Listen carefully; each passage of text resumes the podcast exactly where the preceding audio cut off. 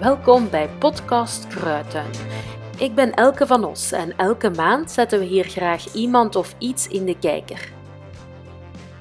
Vandaag zijn dat lector Jana Krobek en student Noah Roeder van het Kleuterlabo.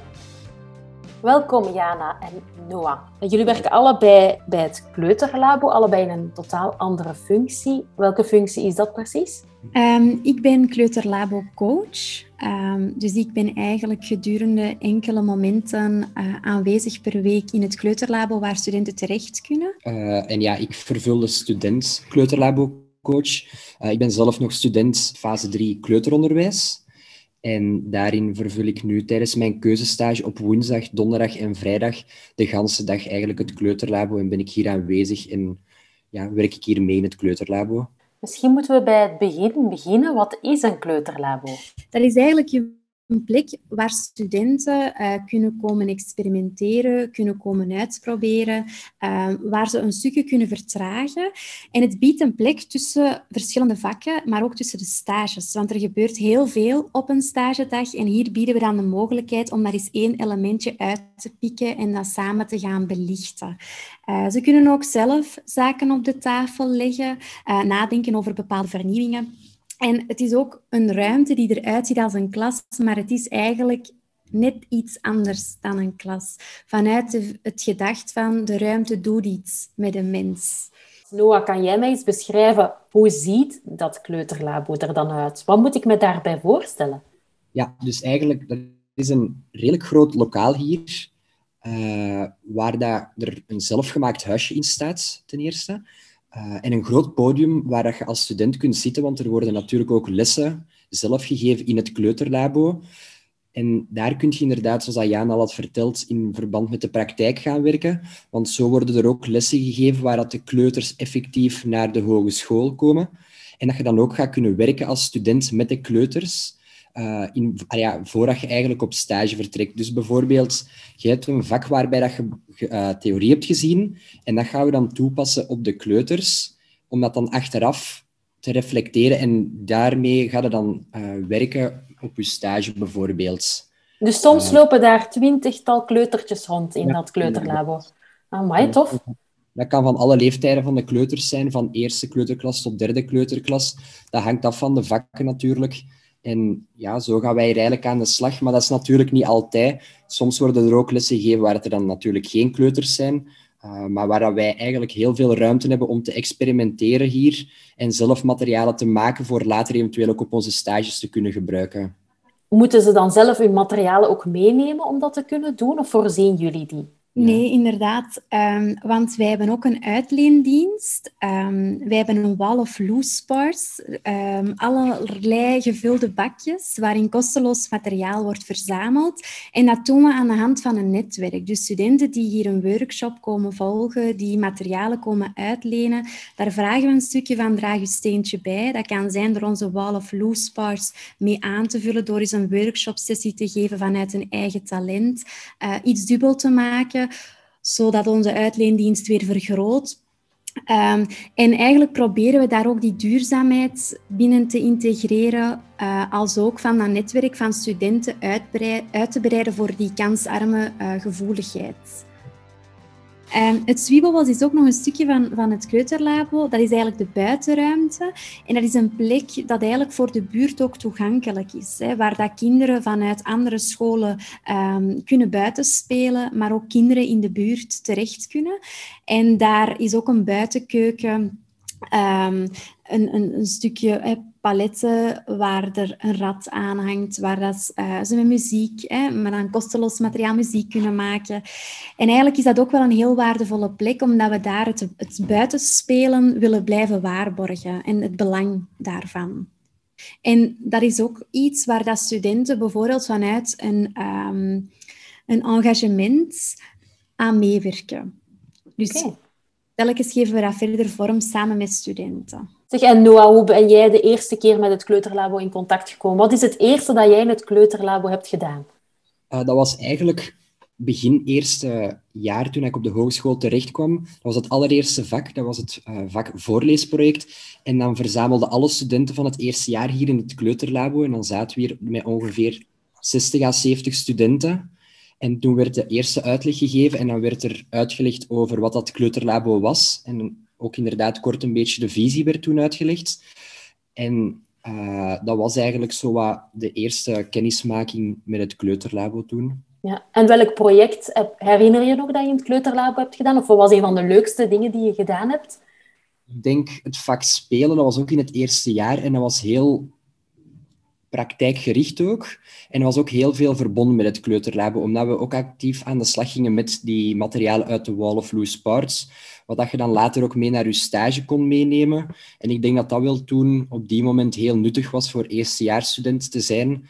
Uh, en je leerde ook kennismaking, allez, je leerde kennismaken met de Wall of Loose Parts en ook kennismaken met het kleuterlabo. Dus dat was toen op die moment wel heel nuttig. Ja, nou wat is jouw favoriete momentje of plekje in het kleuterlabo?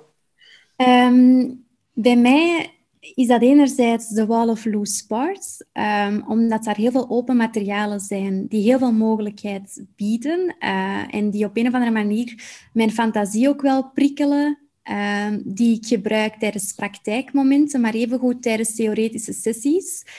Um, en ook het magazijntje boven, omdat daar nog een hele voorraad staat aan materialen die we gekregen hebben of die we mogelijk hebben aangekocht.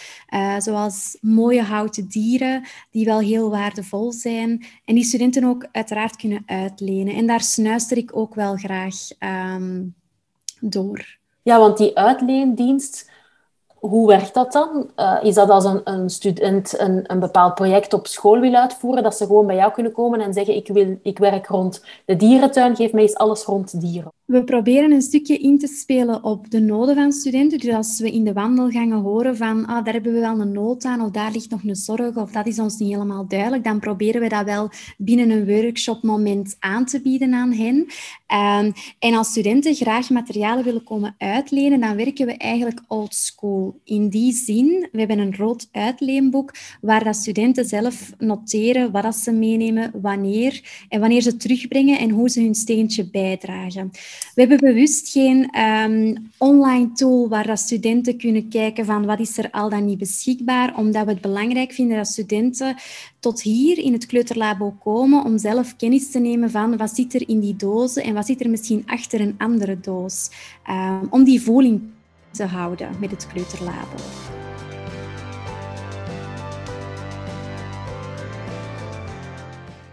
Zeg Noah, wat doet dat eigenlijk met een student om zo'n plek te hebben om te kunnen experimenteren?